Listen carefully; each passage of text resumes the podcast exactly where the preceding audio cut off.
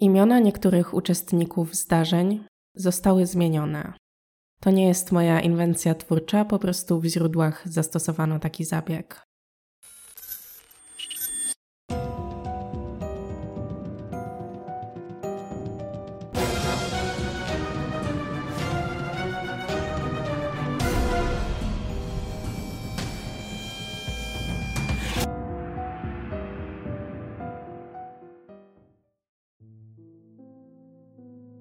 Przenosimy się do Gniewu, miasteczka leżącego w województwie pomorskim. Gniew zamieszkuje niecałe 7 tysięcy mieszkańców i jak to zostało określone w jednym z artykułów, jest to jedno z tych miast, gdzie wszyscy się znają.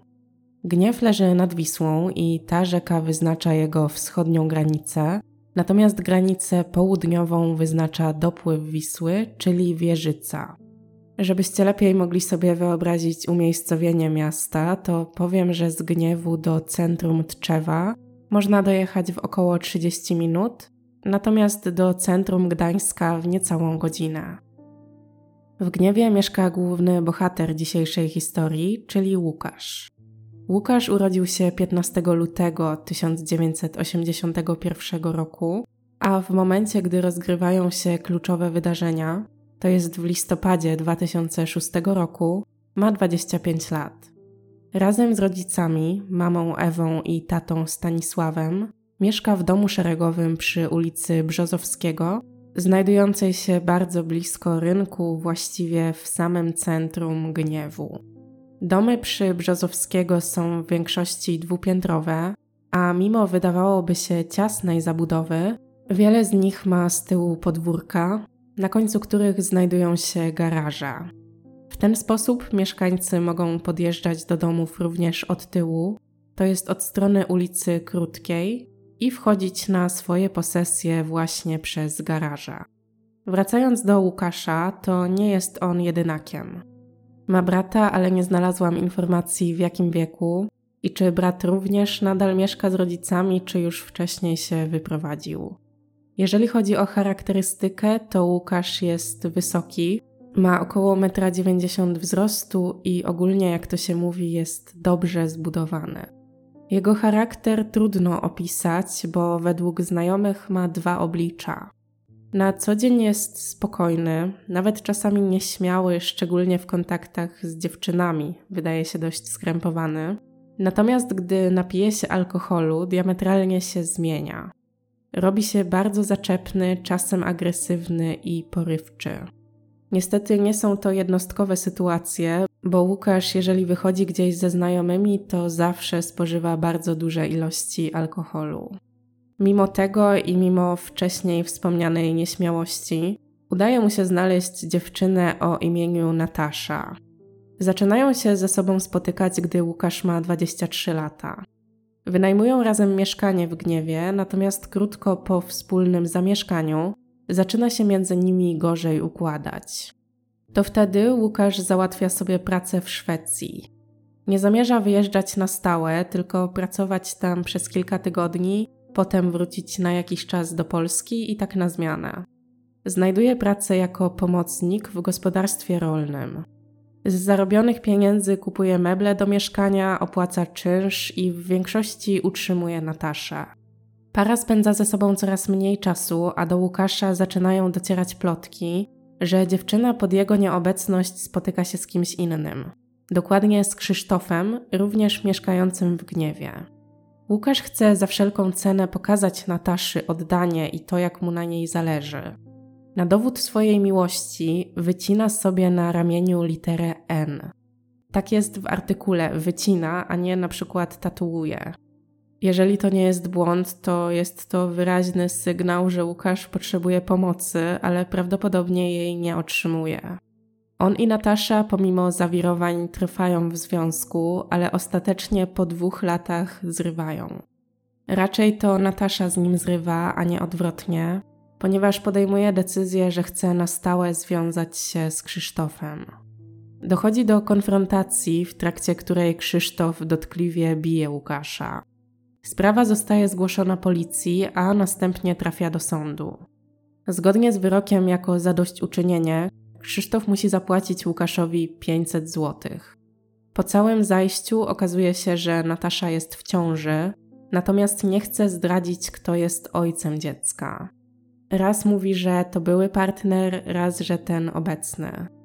W lipcu 2005 roku rodzi chłopca, ale nie przeprowadza badań genetycznych, więc kwestia ojcostwa pozostaje nierozstrzygnięta.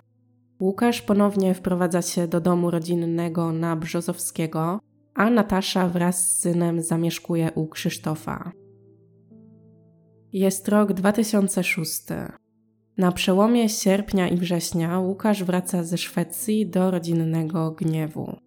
Odkąd rozstał się z Nataszą, ma niższe koszty życia, ale zdecydował się wyjechać ponownie, ponieważ potrzebuje pieniędzy na zakup nowego samochodu, a także opłacenie kursu na prawo jazdy.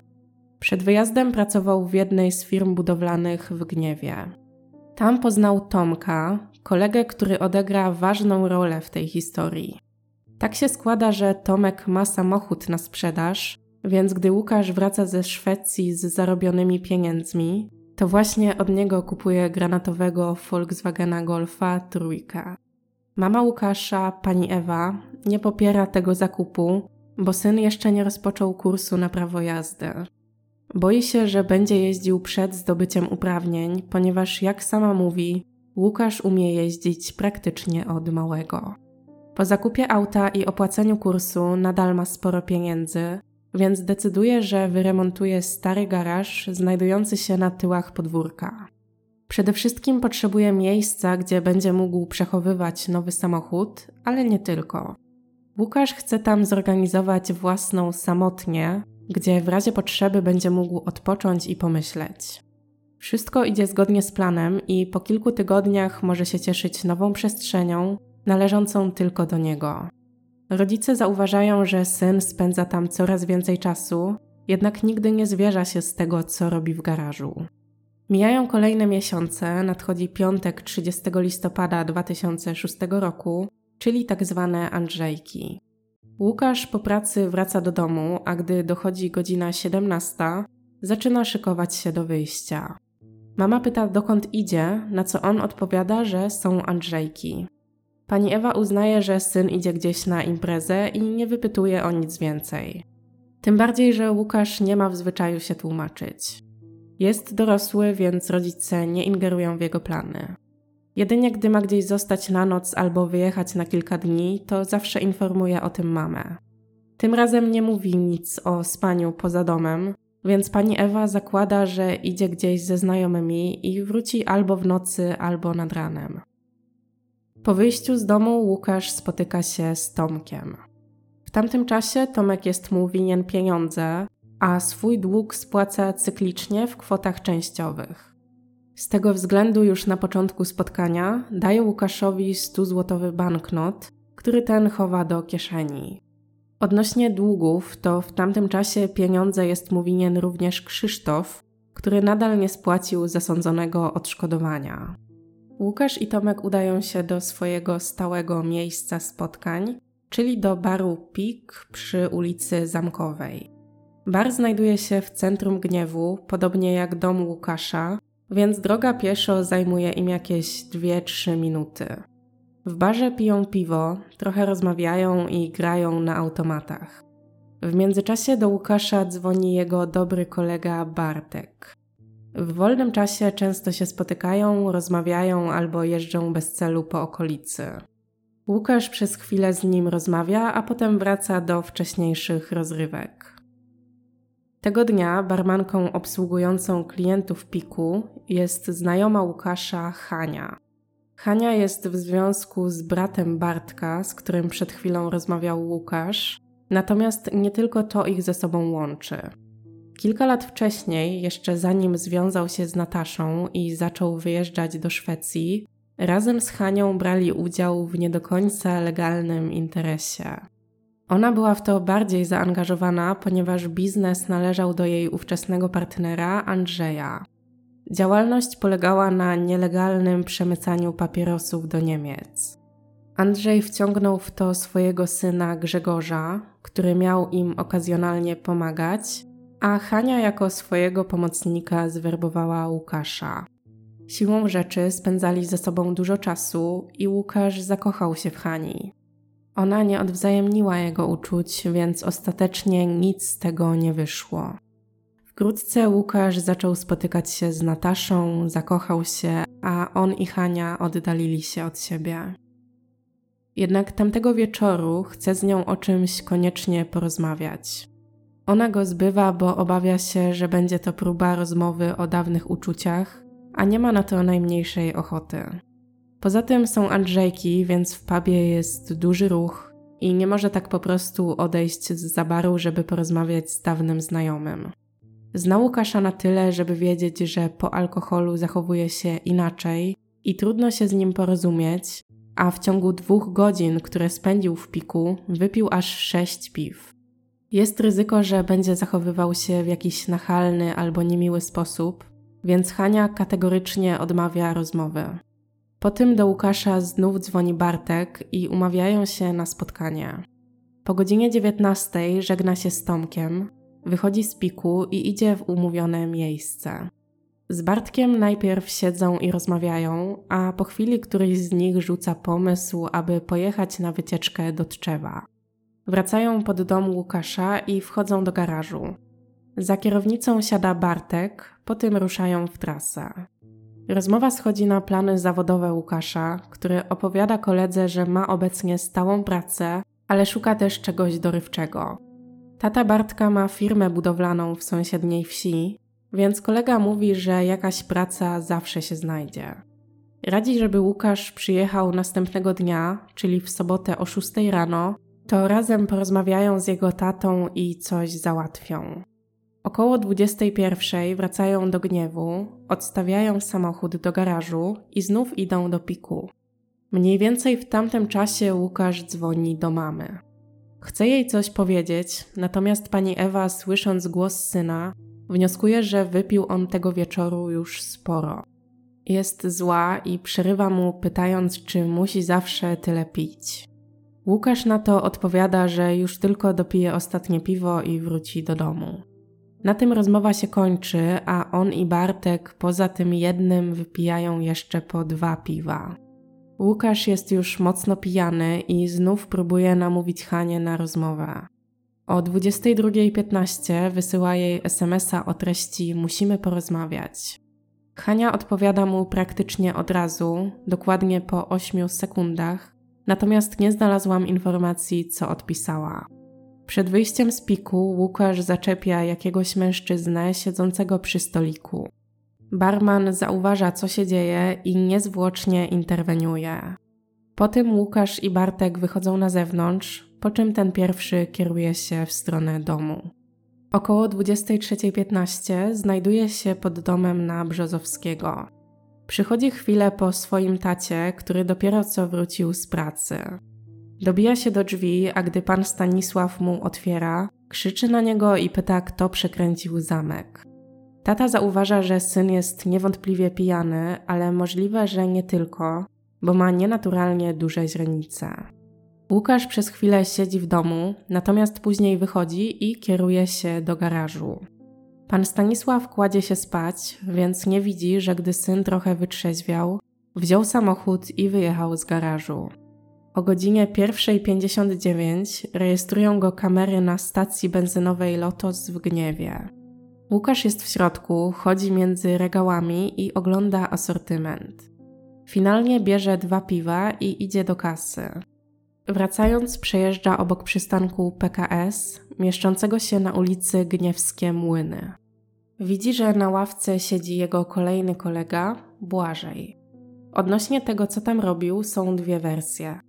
Według pierwszej organizował w domu imprezę Andrzejkową, na której skończył się alkohol, więc wyszedł na stację benzynową po wódkę. Według drugiej wersji pokłócił się z mamą, dlatego wyszedł na chwilę się przewietrzyć i wypić piwo na przystanku. Zaznaczę, że to nie jest tak, że w źródłach jest rozbieżność. Po prostu Błażej w trakcie swoich zeznań przedstawiał raz taką wersję, a raz taką. W każdym razie Łukasz zatrzymuje się obok niego, chwilę rozmawiają, a Błażej prosi, żeby go podwiózł na stację. Minęła północ, więc jest już 1 grudnia, czyli dzień imienin Nataszy. To sprawia, że w Łukaszu odżywają wspomnienia i zaczyna wypytywać kolegę, czy może wie, co tam u jego byłej dziewczyny. Błażej odpowiada mu raczej zdawkowo, ale Łukasz drąży temat i pyta, czy Natasza jest szczęśliwa z Krzysztofem. Błażej mówi, że nie wie, bo przecież z nimi nie mieszka, i na tym rozmowa się kończy. Podobno Łukasz odwozi go na stację, tak jak ustalili, a następnie odjeżdża, ale nie rejestruje tego żadna kamera monitoringu. Błażej, gdy przychodzi z powrotem do domu, jest kompletnie brudny. Zarówno spodnie, jak i buty ma obklejone błotem.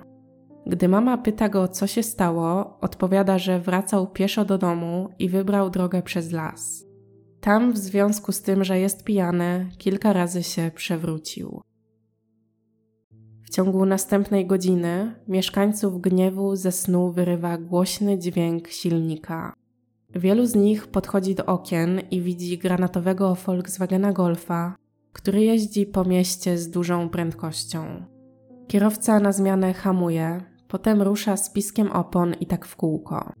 Na początku skupia się na jednym obszarze, ulicy Gniewskie Młyny, gdzie znajduje się blok, w którym mieszkają Krzysztof i Natasza. Później jeździ po całym mieście. Wiadomo, że jazda w terenie zabudowanym z dużą prędkością, oprócz tego, że jest nielegalna, to też niebezpieczna. W tym wypadku sytuację pogarsza fakt, że warunki na drodze są naprawdę trudne. Pada ulewny deszcz, który sprawia, że widoczność jest ograniczona, a drogi robią się śliskie. Ponadto nad jezdnią unosi się gęsta mgła. O godzinie 3.04 kamery na stacji Lotos ponownie rejestrują Łukasza. Podjeżdża sam, tankuje, a następnie odjeżdża w kierunku centrum miasta. 3.04 to ostatni moment, kiedy widziano go żywego i z całą pewnością wiadomo, co robił. To, co działo się później, pozostaje tajemnicą. Przeniesiemy się teraz o kilka godzin. Nadal jest sobota 1 grudnia, godzina 7 rano. Pani Ewa po obudzeniu idzie do pokoju Łukasza i sprawdza, czy syn wrócił do domu. Ku jej zaskoczeniu okazuje się, że łóżko jest puste. Sprawdza, czy Łukasz wysłał jej jakiegoś SMS-a, że zostaje na noc poza domem, ale nic nie ma. Kilkukrotnie próbuje się do niego dodzwonić i za każdym razem słyszy ten sam komunikat: abonent czasowo niedostępny. Po kolei wybiera numery domowe jego najbliższych kolegów, ale nie dowiaduje się niczego nowego. Wszyscy zgodnie twierdzą, że nie mają pojęcia, gdzie jest Łukasz. Mama decyduje, że poczeka jeszcze kilka godzin. Może Łukasz po prostu zapomniał ją poinformować, że nie wróci na noc, albo był pijany i gdzieś zasnął. Liczy, że jak wytrzeźwieje, to wróci do domu. Niestety nie wraca ani po kilku, ani po kilkunastu godzinach.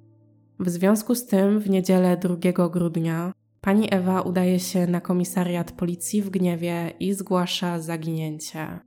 Reakcja policjantów jest wiadomo jaka. Syn jest dorosły, był na imprezie, pewnie za dużo wypił, został u kogoś na noc i nadal tam siedzi. Mama Łukasza ma jednak złe przeczucia i postanawia działać na własną rękę. Prosi o pomoc w poszukiwaniach kolegów syna. Drukuje plakaty, które wspólnie rozwieszają na ulicach gniewu.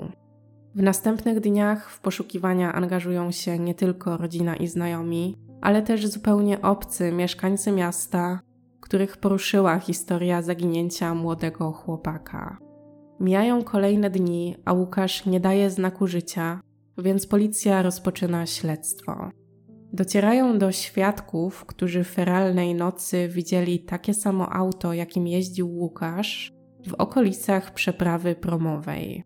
W gniewie ten punkt przeprawy ma formę małego betonowego placu, z delikatnym spadkiem przy brzegu, aby bez problemu dało się wjechać samochodem na podpływającą platformę. Z uwagi na zeznania świadków, policjanci uważnie oglądają ten teren i w jednej ze służbowych notatek pojawia się następująca wzmianka. Cytat pochodzi z gazety wyborczej. Na drodze asfaltowej prowadzącej do rzeki, w miejscu gdzie przybija prom, w odległości około 2 metrów od linii wody, ujawniono ślad hamowania jednego koła o długości 2 metrów. Jednak patrząc na szerokość śladu, można przypuścić, że jest to ślad motoru lub motoroweru. Śladu w żaden sposób nie zabezpieczono, informacja na jego temat pojawia się jedynie w notatce. Funkcjonariusze biorą pod uwagę, że Łukasz mógł się utopić, dlatego proszą o pomoc płetwonurków, którzy mają za zadanie przejrzeć dno w okolicy punktu przeprawy. Skoro poszukiwany przed zaginięciem cały czas poruszał się samochodem, a tego samochodu nigdzie w okolicy nie znaleziono, to najpewniej również należy go szukać pod wodą. Niestety w dniu oględzin widoczność jest bardzo słaba, a dno muliste. Nurkowie nie zauważają wraku samochodu ani żadnego śladu Łukasza. W trakcie badania dna Wisły na brzegu stoją pan Stanisław oraz Tomek, który jest bardzo zaangażowany w poszukiwania. Podsumowując udział osób spoza rodziny, to właśnie Tomek jest tym, który najczęściej pomaga w akcjach poszukiwawczych. Ze względu na to, że dotychczas prowadzone działania nie przyniosły odpowiedzi na nurtujące pytania, pani Ewa i pan Stanisław decydują się poprosić o pomoc jasnowidza Krzysztofa Jackowskiego. Jeszcze w pierwszej połowie grudnia udają się do Człuchowa. Jasnowic mówi, że Łukasz przebywa na ulicy Zamiejskiej, znajdującej się w dzielnicy Chełm w zachodnio-południowej części Gdańska. Przebywa u kobiety, którą zna, a w trakcie poszukiwań należy przede wszystkim zwrócić uwagę na to, czy na ulicy znajduje się jego samochód. Wydawałoby się, że jest to dość konkretna wskazówka, ale na koniec Krzysztof Jackowski dodaje, że jest zmęczony i to, co właśnie powiedział, może nie być prawdą. Po sprawdzeniu tropu okazuje się, że to faktycznie nieprawda, więc można powiedzieć, że w tej sprawie Jasnowic się nie mylił. Rodzice nie tracą nadziei i szukają odpowiedzi u kolejnego medium. Tym razem wybór pada na kobietę o imieniu bądź pseudonimie Inka. Treść jej wizji ponownie cytuję z gazety wyborczej. Łukasz jedzie asfaltem, drogą asfaltową boczną. W pobliżu las, młody lasek, mało drzew, domy bez dachów. Skręca w drogę, w prawo, w polną drogę. Tam dochodzi do szarpaniny z wysokim chłopakiem, jego rówieśnikiem. Chodzi o pieniądze. Nie został mocno pobity, nie był męczony. Coś ma na szyi. Z wysokim jest drugi chłopak, niski, krępy, nie bierze udziału w bójce. Kobiety nie ma, ale wie o wszystkim. Boi się, jest zastraszana.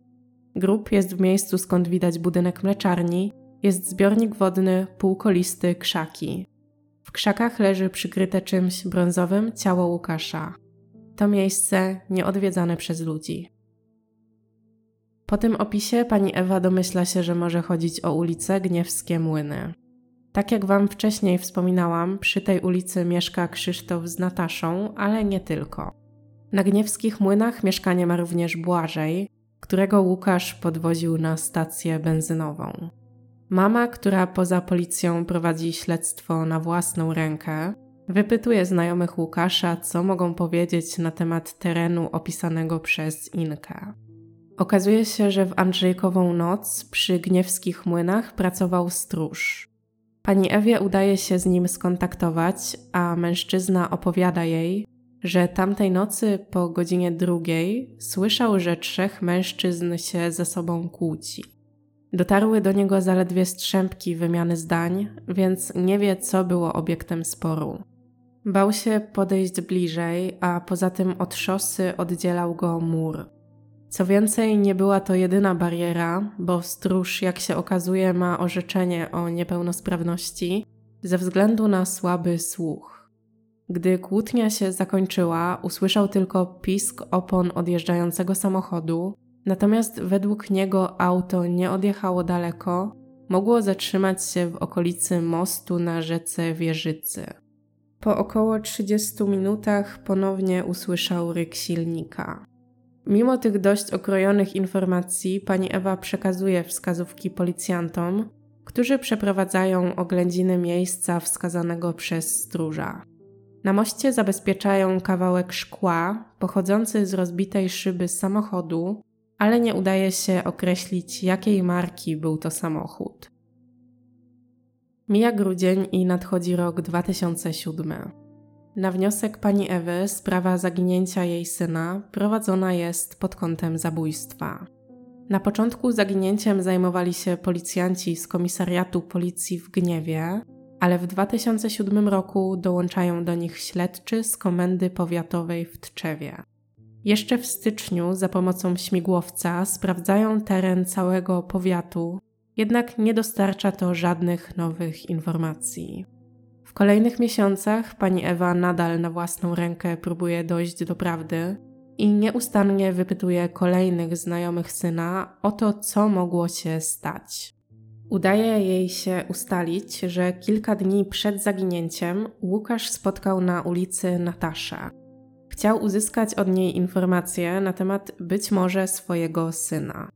Z kolei kilka dni po jego zaginięciu, brat Krzysztofa na jednym ze spotkań towarzyskich miał wypić za dużo alkoholu i powiedzieć swoim znajomym: Oni go nigdy nie znajdą, w odniesieniu do Łukasza. Potem wstał i wyszedł z imprezy. Mężczyzna zostaje przesłuchany, ale nie potwierdza takiej wersji zdarzeń. Krzysztof jest jednym z głównych podejrzanych ze względu na konflikt z poszukiwanym oraz fakt, że był mu winien pieniądze.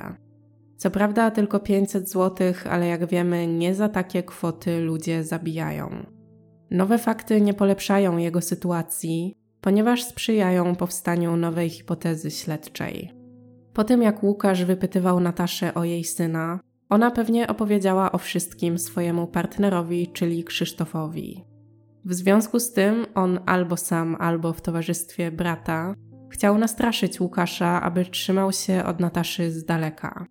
W pewnym momencie sprawy mogły posunąć się za daleko, więc musieli ukryć gdzieś ciało. Ostatnie doniesienia z 2007 roku są takie, że po pierwsze Krzysztof i Natasza biorą ślub, a po drugie prokurator umarza postępowanie. W artykułach pojawiają się jedynie informacje, że sprawę prowadzi Komenda Powiatowa w Tczewie i jeżeli ktoś ma informacje mogące pomóc w odnalezieniu Łukasza, proszony jest o kontakt. Niecały rok później, w połowie 2008 roku, sprawa trafia do Komendy Powiatowej Policji w Gdańsku, a akta przejmuje Archiwum X. Po przeanalizowaniu dokumentów decydują, że należy ponownie przesłuchać świadków, tym razem z użyciem wariografu. Z grona osób przesłuchiwanych zostaje wykluczona Natasza, która w międzyczasie zmarła. Powodem jej śmierci miało być pęknięcie tętniaka. Zostają więc koledzy. Tomek, z którym Łukasz spotkał się na jakieś dwie godziny w piku, Bartek, z którym po wyjściu z pubu pojechał na wycieczkę, Błażej, którego podwiózł na stację, no i Krzysztof, czyli można powiedzieć rywal winny mu pieniądza. Błażej, Bartek oraz wbrew pozorom Krzysztof nie wzbudzają żadnych podejrzeń. Wariograf nie pokazuje żadnych odchyleń. Wszyscy powtarzają te same wersje zdarzeń, co na wcześniejszych przesłuchaniach, i dodatkowo każdy z nich ma alibi. Poza wariografem, zeznania złożone przez przesłuchiwanych ocenia również policyjna psycholog, według której brzmią one wiarygodnie i są zgodne z prawdą. Poza kolegami Łukasza na komendę wezwano Hanie, której składanie wyjaśnień nie idzie tak dobrze jak innym przesłuchiwanym. Widać, że trochę mocniej reaguje na pytania dotyczące zaginięcia i domniemanego zabójstwa. Nie jest to bardzo silna reakcja, natomiast widać różnicę. Według śledczych oznacza to, że Hania nie brała bezpośrednio udziału w zdarzeniu, ale albo wie, albo podejrzewa, kto jest sprawcą. Świadczy o tym nie tylko wynik badania, ale fakt, że trochę plącze się w zeznaniach. Hania kłamie w kwestii SMS-a, którego dostała od Łukasza w dniu jego zaginięcia. Wcześniej na przesłuchaniu mówiła, że mu nie odpowiedziała, ale śledczy odkryli, że to nieprawda. Tak jak wspominałam wcześniej, odpisała mu coś już po 8 sekundach. Ale to nie jedyne kłamstwo. Podczas drugiej wizyty w piku, kiedy przypominam, Łukasz przyszedł z Bartkiem i był bardzo pijany, zaczął zaczepiać jakiegoś mężczyznę. Według Hani tym mężczyzną był Andrzej, jej były partner, z którym przemycali papierosy do Niemiec. Na początku zeznała również, że na Andrzejki do gniewu razem z żoną przyjechał Grzegorz, syn Andrzeja, który też pomagał im w nielegalnym interesie. Według niej, tuż przed wyjściem na imprezę, Grzegorz powiedział, że idzie coś załatwić. Nie wracał przez długi czas i ostatecznie bardzo się spóźnił. Razem z żoną mieli zostać na kilka dni w gniewie, jednak następnego dnia w pośpiechu wyjechali. Śledczy weryfikują te informacje i dowiadują się, że mężczyzną, którego zaczepiał Łukasz, z całą pewnością nie był Andrzej, a on i Grzegorz w ogóle się nie znają. Nie wiem, jak to możliwe, skoro łączył ich kiedyś wspólny biznes, ale może w takich sytuacjach im mniej osób się zna, tym lepiej. W każdym razie Hania musiała o tym wiedzieć, ale z jakiegoś powodu chciała skierować uwagę śledczych na byłego partnera i jego syna. Mimo nieścisłości i tak w badaniu dużo gorzej od niej wypada Tomek. Pierwszym sygnałem mogącym świadczyć o jego winie było nadzwyczajnie duże zaangażowanie w poszukiwania. Znane są przypadki sprawców, którzy angażowali się w poszukiwania, aby na bieżąco mieć informacje o postępach w śledztwie i zręcznie odsuwać od siebie podejrzenia. Być może tu nastąpiła ta sama zależność. Tym bardziej, że Tomek, jak wykazuje wariograf, mocno reaguje na pytania krytyczne. Przed składaniem zeznań płacze i zapewnia, że nie zabił kolegi.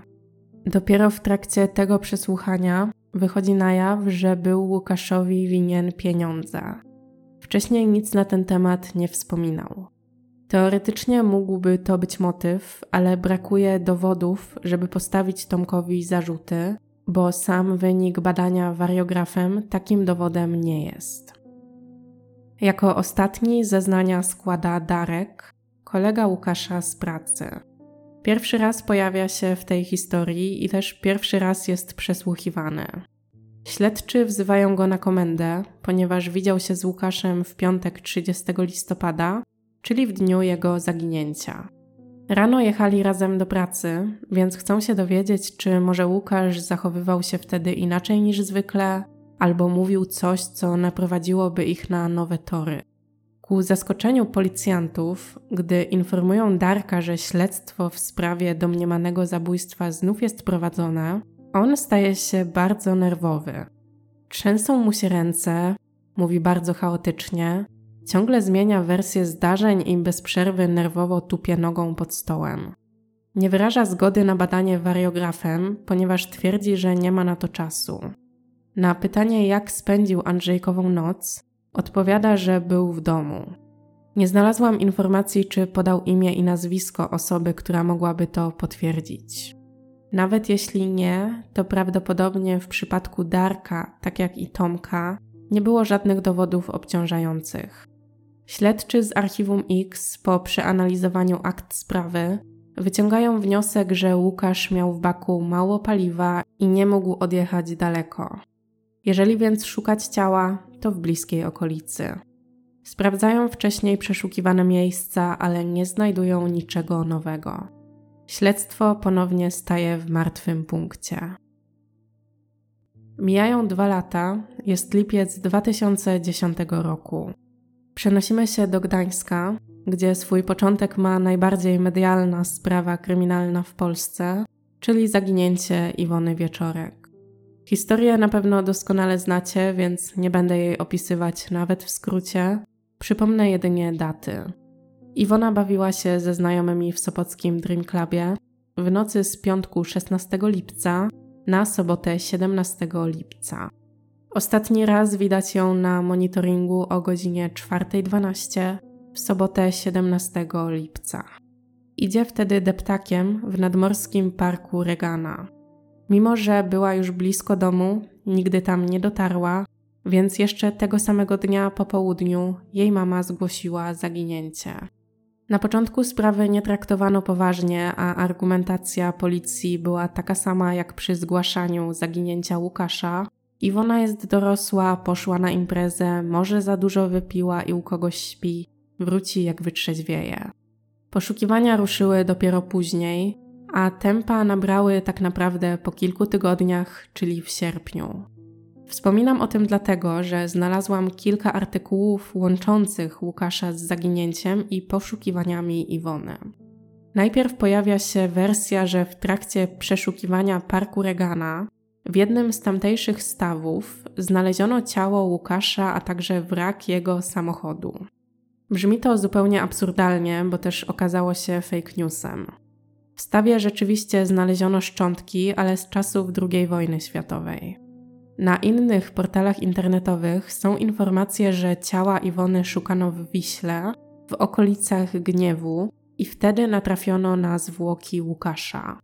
To brzmi trochę wiarygodniej, tym bardziej, że zestawiono tą informację z komentarzem jego rodziców, którzy opowiedzieli, że po otrzymaniu wskazówek od medium skupiono się przede wszystkim na badaniu stawów.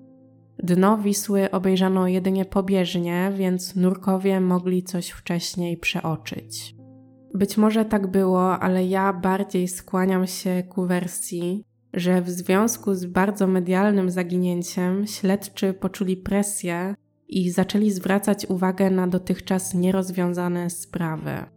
Zgodnie z najbardziej szczegółowym źródłem, z jakiego skorzystałam, czyli artykułem Gazety Wyborczej, Łukasz został odnaleziony zupełnie niezależnie od poszukiwań Iwony. Wtedy w sierpniu 2010 roku ze specjalistami z Biura Hydrograficznego Marynarki Wojennej w Gdyni kontaktuje się prokurator prowadzący sprawę zaginięcia Łukasza, czyli Wojciech Szelongowski. Skłania się ku hipotezie, że zaginiony razem z autem wpadł do rzeki i chce, aby specjaliści określili, gdzie teraz może być samochód. Założono, że auto zjechało do wody z przeprawy promowej w Gniewie. Uwzględniono jego szacowaną masę, kształt dna, a także siłę prądów rzecznych. Dzięki temu udaje się określić przybliżony obszar, którym może znajdować się wrak. W piątek 27 sierpnia nad brzegiem Wisły w Gniewie zbiera się ekipa poszukiwawcza. Na wniosek prokuratury okręgowej dno rzeki ma być przebadane za pomocą najnowocześniejszego sonaru. Niewątpliwie daje to dużą przewagę nad poszukiwaniami sprzed lat, ponieważ wtedy funkcjonariusze nie dysponowali takim sprzętem. Już po godzinie, w odległości zaledwie 10 metrów od brzegu, sonar wykrywa obiekt wielkości samochodu osobowego. Auto jest przykryte grubą warstwą mułu, więc dotarcie do niego i rozpoczęcie procesu wydobywania go na powierzchnię zajmuje kilkanaście godzin. Na dnie, tuż za samochodem, znajduje się kontener ze śmieciami. Granatowy Volkswagen Golf jest zatopiony na głębokości około 4 metrów. Ma zabrudzone od wewnątrz szyby, więc trudno stwierdzić, czy w środku znajdują się zwłoki. Podczas kolejnych prób wyciągania wraku pękają liny holownicze. Mijają godziny, nadchodzi wieczór, a widoczność staje się mocno ograniczona. Około godziny 21.30 cała grupa rozchodzi się do domów i ponownie zbiera się na miejscu zdarzenia następnego dnia rano. O znalezisku zostają poinformowani rodzice oraz brat Łukasza. W sobotę 28 sierpnia w godzinach porannych przychodzą nad rzekę. Od razu rozpoznają wyciągany z wody samochód. To z całą pewnością Volkswagen należący do Łukasza. Przednia szyba jest rozbita, a wszystkie drzwi pozamykane. Wewnątrz auta, mniej więcej do wysokości zagłówków, zalega piasek. Kierownik akcji podejmuje decyzję o wycięciu przednich drzwi i wypłukaniu osadu to wtedy oczom zgromadzonych ukazują się ludzkie szczątki. Poszkodowany zastygł skulony na tylnym siedzeniu auta. O tym, że są to zwłoki Łukasza, informuje wszystkich brat, który jako pierwszy rozpoznaje go po ubraniu. W związku z odkryciem pamięć o zmarłym odżywa w gniewie na nowo.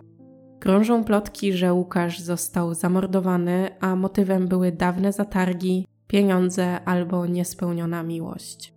Prokurator niczego nie potwierdza, ponieważ czeka na wyniki sekcji zwłok oraz ekspertyzę z oględzin samochodu. Niestety, wbrew oczekiwaniom, sekcja nie dostarcza odpowiedzi na najbardziej nurtujące pytania. Badania bezsprzecznie potwierdzają, że mężczyzna znaleziony we wraku samochodu to poszukiwany od czterech lat Łukasz. W jego szkielecie nie znaleziono żadnych urazów mechanicznych. Badanie mózgu nie wykazało, czy w chwili śmierci był pod wpływem substancji odurzających. Mógł być i wiadomo z zeznań świadków, że był pod wpływem alkoholu, ale czy coś więcej, nie wiadomo. Minęło zbyt wiele czasu, aby to potwierdzić. Zastanawiającym elementem jest owalny otwór w okolicach mostka, który według słów pani Ewy wygląda jak ślad po postrzale. Niestety patolog nie umie określić, jakie jest pochodzenie ubytku. Według niego mógł równie dobrze powstać już pośmiertnie, ale to nic pewnego. W związku z tymi wszystkimi znakami zapytania nie ma możliwości ustalenia przyczyny zgonu. W czasie, gdy patolog wykonuje sekcję, w policyjnym garażu w Tczewie trwają oględziny Volkswagena. Udaje się ustalić, że gdy samochód wpadł do wody, miał włączone światła przeciwmgielne. Auto wjechało do Wisły na trzecim biegu, a oprócz świateł włączone były wycieraczki, ogrzewanie tylnej szyby oraz radio. Co ciekawe, kluczyk w stacyjce był w pozycji wyłączonej. Przednia szyba pękła pod naciskiem dużego ciśnienia, gdy pojazd tonął. Łukasz leżał na tylnym siedzeniu, gdzie według biegłych przemieścił się samoistnie w wyniku gwałtownego napływu wody. Mógł też celowo chcieć przejść do tyłu, aby wybić nogami przednią szybę i w ten sposób się wydostać. Kontener leżący tuż za samochodem, według biegłych, znajdował się w wodzie już wcześniej. Oględziny dostarczają więcej informacji niż sekcja, ale nadal zagadką pozostaje, co tak naprawdę się stało. Odpowiedzią na to pytanie mogą być zeznania jednego ze świadków. Podawany przez niego hipotetyczny powód zgonu niektórych pewnie przekona, innych nie, natomiast treść jego zeznań dobrze wyjaśnia, dlaczego ciało zostało znalezione dopiero po kilku latach poszukiwań. Świadek, o którym mówię, w źródłach występuje pod pseudonimem Rybak, więc ja również będę się trzymać tej nazwy. Rybak jest 55-letnim mieszkańcem Gniewu i odkąd pamięta łowi ryby w okolicach przeprawy promowej.